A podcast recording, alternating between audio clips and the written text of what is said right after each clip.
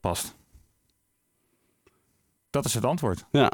En daarom. Er zit ook nog een technische kant van het verhaal achter. Maar het, we, we, hebben ook besloten op, op basis van de, de huidige ja, technologieën. Uh, ja, vinden we tijd voor het nieuws. En de internet die heeft het denk ik voor de kabelkrant flink verknald. Maar er zullen natuurlijk, zal natuurlijk wel een, een, doelgroep zijn die, die, die zometeen in de pen klimt en ons beklag gaat doen bij ons. Ja, die kans zit erin dat er wat mensen inderdaad toch, toch jammer vinden. Die, die toch dat gebruiken als hun bron van nieuws. Maar stel nou dat er zometeen iemand opstapt en die zegt van... joh, ik ga, ik ga petities uh, aanmaken. Haarlem 105, doe die kabelkrant terug.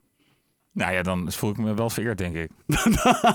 en als het genoeg uh, steun krijgt, ja, dan moeten we even kijken. Maar ja, ik, ik, verwacht, dat, ik verwacht het niet. Nee, de kabelkant is een beetje zijn tijd voorbij. Uh, Michiel Boscha, vind, vind je dat ook? Dat de kabelkant zijn tijd voorbij is en dat we er gewoon mee moeten stoppen? Ja, zeker. Tegenwoordig uh, ben ik uh, ook de baas bij een vergelijkbare zender in Eindhoven. En daar hebben we ook in een aantal stappen het aantal uur per dag dat de kabelkrant was eerst wat teruggebracht.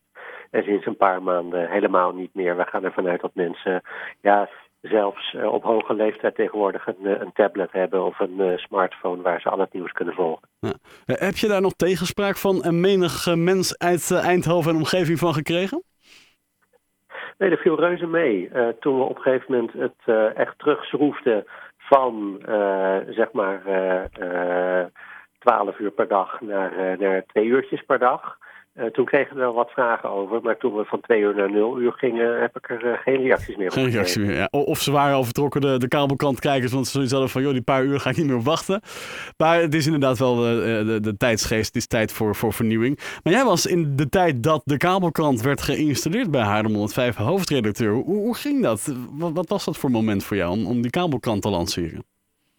Ja, we stopten toen veel energie in elke dag het radioprogramma Haarlem Vandaag. Waar we dan een, eh, een hoop nieuwsberichten schreven. En we dachten toch van ja, het is eigenlijk jammer dat dat alleen maar een paar uur per dag in de nieuwsbulletin zit. Kunnen daar niet meer mee? En uh, ja, toen bleek dat we eigenlijk eh, met betrekkelijk weinig geld en moeite een tv-kanaal konden starten. En ja, dat werd dus een kabelkrant waar we wel uh, overigens vanaf het begin al meteen gezorgd hebben dat er ook wel filmpjes tussendoor gedraaid konden worden. Omdat we ook wel zagen dat bewegend beeld uiteindelijk nog wel mooier was.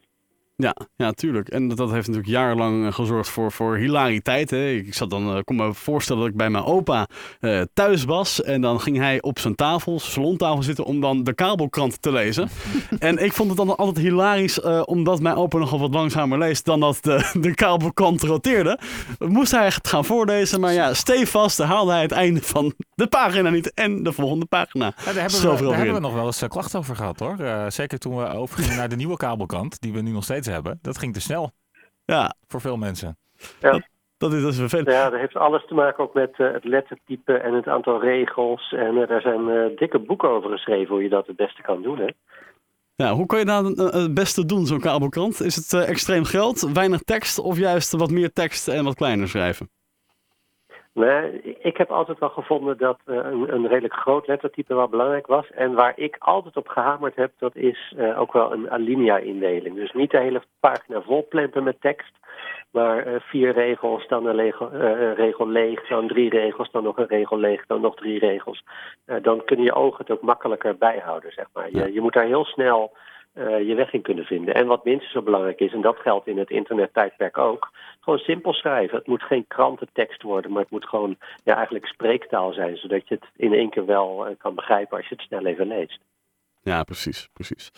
Was het nou makkelijk, zo'n zo kabelkrant in die tijd, of, of, of, was het een hoop kopzorgen? Nou, ik, ik ben er uh, destijds, kan ik me herinneren, nog voor naar, naar Hoensbroek gereden in, in Zuid-Limburg om daar het uh, systeem uh, te gaan bekijken ja. en uh, te, te, ontdekken hoe dat nou precies was. En ja, in het begin was het echt zo dat je een, een, tekst die we dan al voor de radio getikt hadden, dan toch weer een apart systeem moest overtikken om het op de kabelkant te kunnen zetten.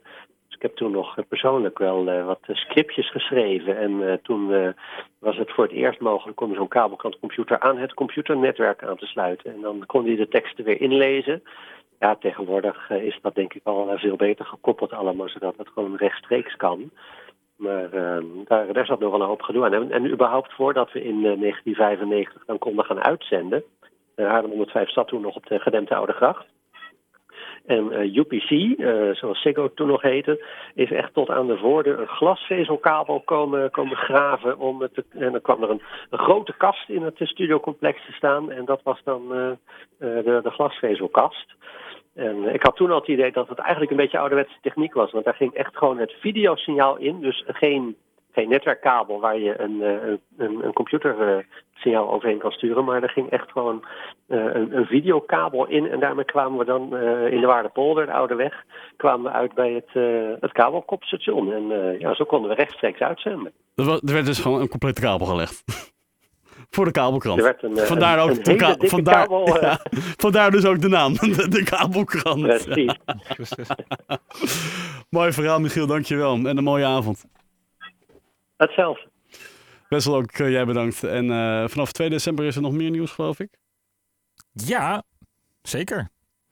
Moet ik het al verklappen? Nou ja, ik, ik weet of het al verklapt mag worden. Daarom kijk ik jou gewoon stiekem aan. Nou, er komt iets met, uh, met, iets met een nieuwe website. Uh. Een nieuwe website. Dus Haarlem 105 die uh, start ook gelijk een, een nieuwe website. Vanaf 2 december gaat die live. En ik heb een, een voorstukje mogen zien, hè Melvin?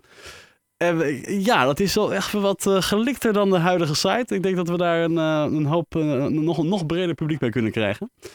Met ook allemaal video's en, en audiobestanden. Wordt nou, een, en even terugkomen op die kabelkrant. Het is ook allemaal wat beter te lezen. Kijk, ook belangrijk. En, Ja. het, en het vliegt ook niet voorbij. Dat is ook wel... Dat is Aardebol 5, Sam Smith, Dancing with the Stranger op 89.9. Ja.